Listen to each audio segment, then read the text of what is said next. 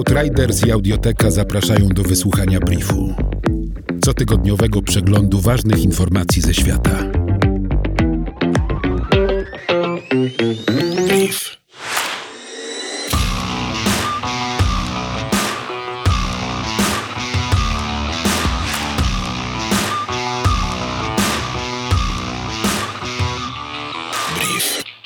Brytyjskie organizacje charytatywne zajmujące się badaniami nad nowotworami Cancer Research UK i Macmillan Cancer Support twierdzą, że pandemia koronawirusa opóźni badania nad sposobami walki z rakiem w związku z brakiem funduszy na badania.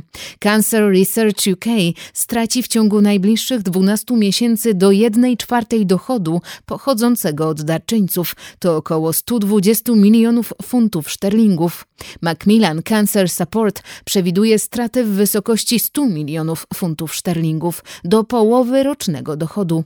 Organizacja przyznała, że problemy finansowe i możliwości badawcze mogą opóźnić walkę z chorobą nowotworową na wiele lat.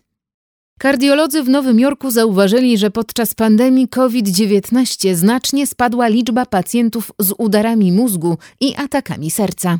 W ankiecie przeprowadzonej wśród internetowej społeczności kardiologów na Twitterze prawie połowa respondentów stwierdziła, że odnotowała spadek liczby przyjęć pacjentów mających zawał serca o 40 do 60%, a około 20% respondentów zgłosiło ponad 60% spadek przyjęć. Natomiast Natomiast w Hiszpanii zauważono 40% spadek częstotliwości stosowania procedur ratunkowych w przypadku zawałów serca w ostatnim tygodniu marca 2020 roku w porównaniu z czasem tuż przed pandemią. Jedna z teorii wyjaśnia to zjawisko tym, że koronawirus wzbudził strach przed korzystaniem z opieki medycznej. Wiele osób z nagłymi problemami zdrowotnymi decyduje się zostać w domu zamiast wezwać pomoc. Być może zmiana sposobu życia podczas pandemii, inne posiłki, interakcje społeczne i wzorce aktywności fizycznej również ma wpływ na mniejszą liczbę ataków serca i udarów. Z drugiej strony infekcje dróg oddechowych zwykle zwiększają ryzyko zawału zawałów serca, podobnie jak stres, lęk, frustracja i depresja, które mogą nasilać się podczas pandemii.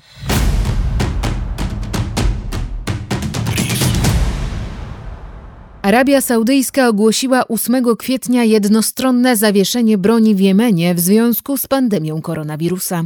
Zawieszenie broni, które dotyczy arabskich sojuszników Arabii Saudyjskiej oraz uznanego na arenie międzynarodowej rządu jemeńskiego, ma na celu rozpoczęcie rozmów pokojowych prowadzonych przez Organizację Narodów Zjednoczonych. Khalid bin Salman, wiceminister obrony Arabii Saudyjskiej, poinformował, że jego kraj przekaże ONZ 500 milionów dolarów na pomoc humanitarną dla Jemenu i 25 milionów dolarów na walkę z koronawirusem. Jednak bojownicy Huti, z którymi walczy koalicja państw arabskich pod przywództwem Arabii Saudyjskiej, nie przystąpili do zawieszenia broni. Saudyjska koalicja oskarżyła ich o złamanie jednostronnego rozejmu 241 razy w ciągu 48 godzin, w tym użycie ciężkiej artylerii i przeprowadzenie ataków rakietowych w prowincjach Marib, Al-Jauf i dystrykcie Nim. Według przedstawicieli Huti zawieszenie broni to manewr polityczny i medialny. W Jemenie znaczna większość z 28 milionów ludzi cierpi z powodu głodu i chorób. 80% populacji, aby przeżyć, korzysta z jakiejś formy pomocy humanitarnej. 18 milionów ludzi nie ma dostępu do odpowiednich środków higieny, wody i infrastruktury sanitarnej. ONZ uważa Jemen za miejsce najgorszej na świecie katastrofy humanitarnej spowodowanej przez człowieka, a wybuch pandemii koronawirusa może zainfekować nawet 93% ludności kraju. Połowa szpitali jest zniszczona, pozostałe dysponują 700 łóżkami na oddziałach intensywnej terapii, w tym 60 dla dzieci i 500 respiratorami. Pierwszy przypadek zachorowania na COVID-19 został potwierdzony w Jemenie pod koniec pierwszej dekady kwietnia.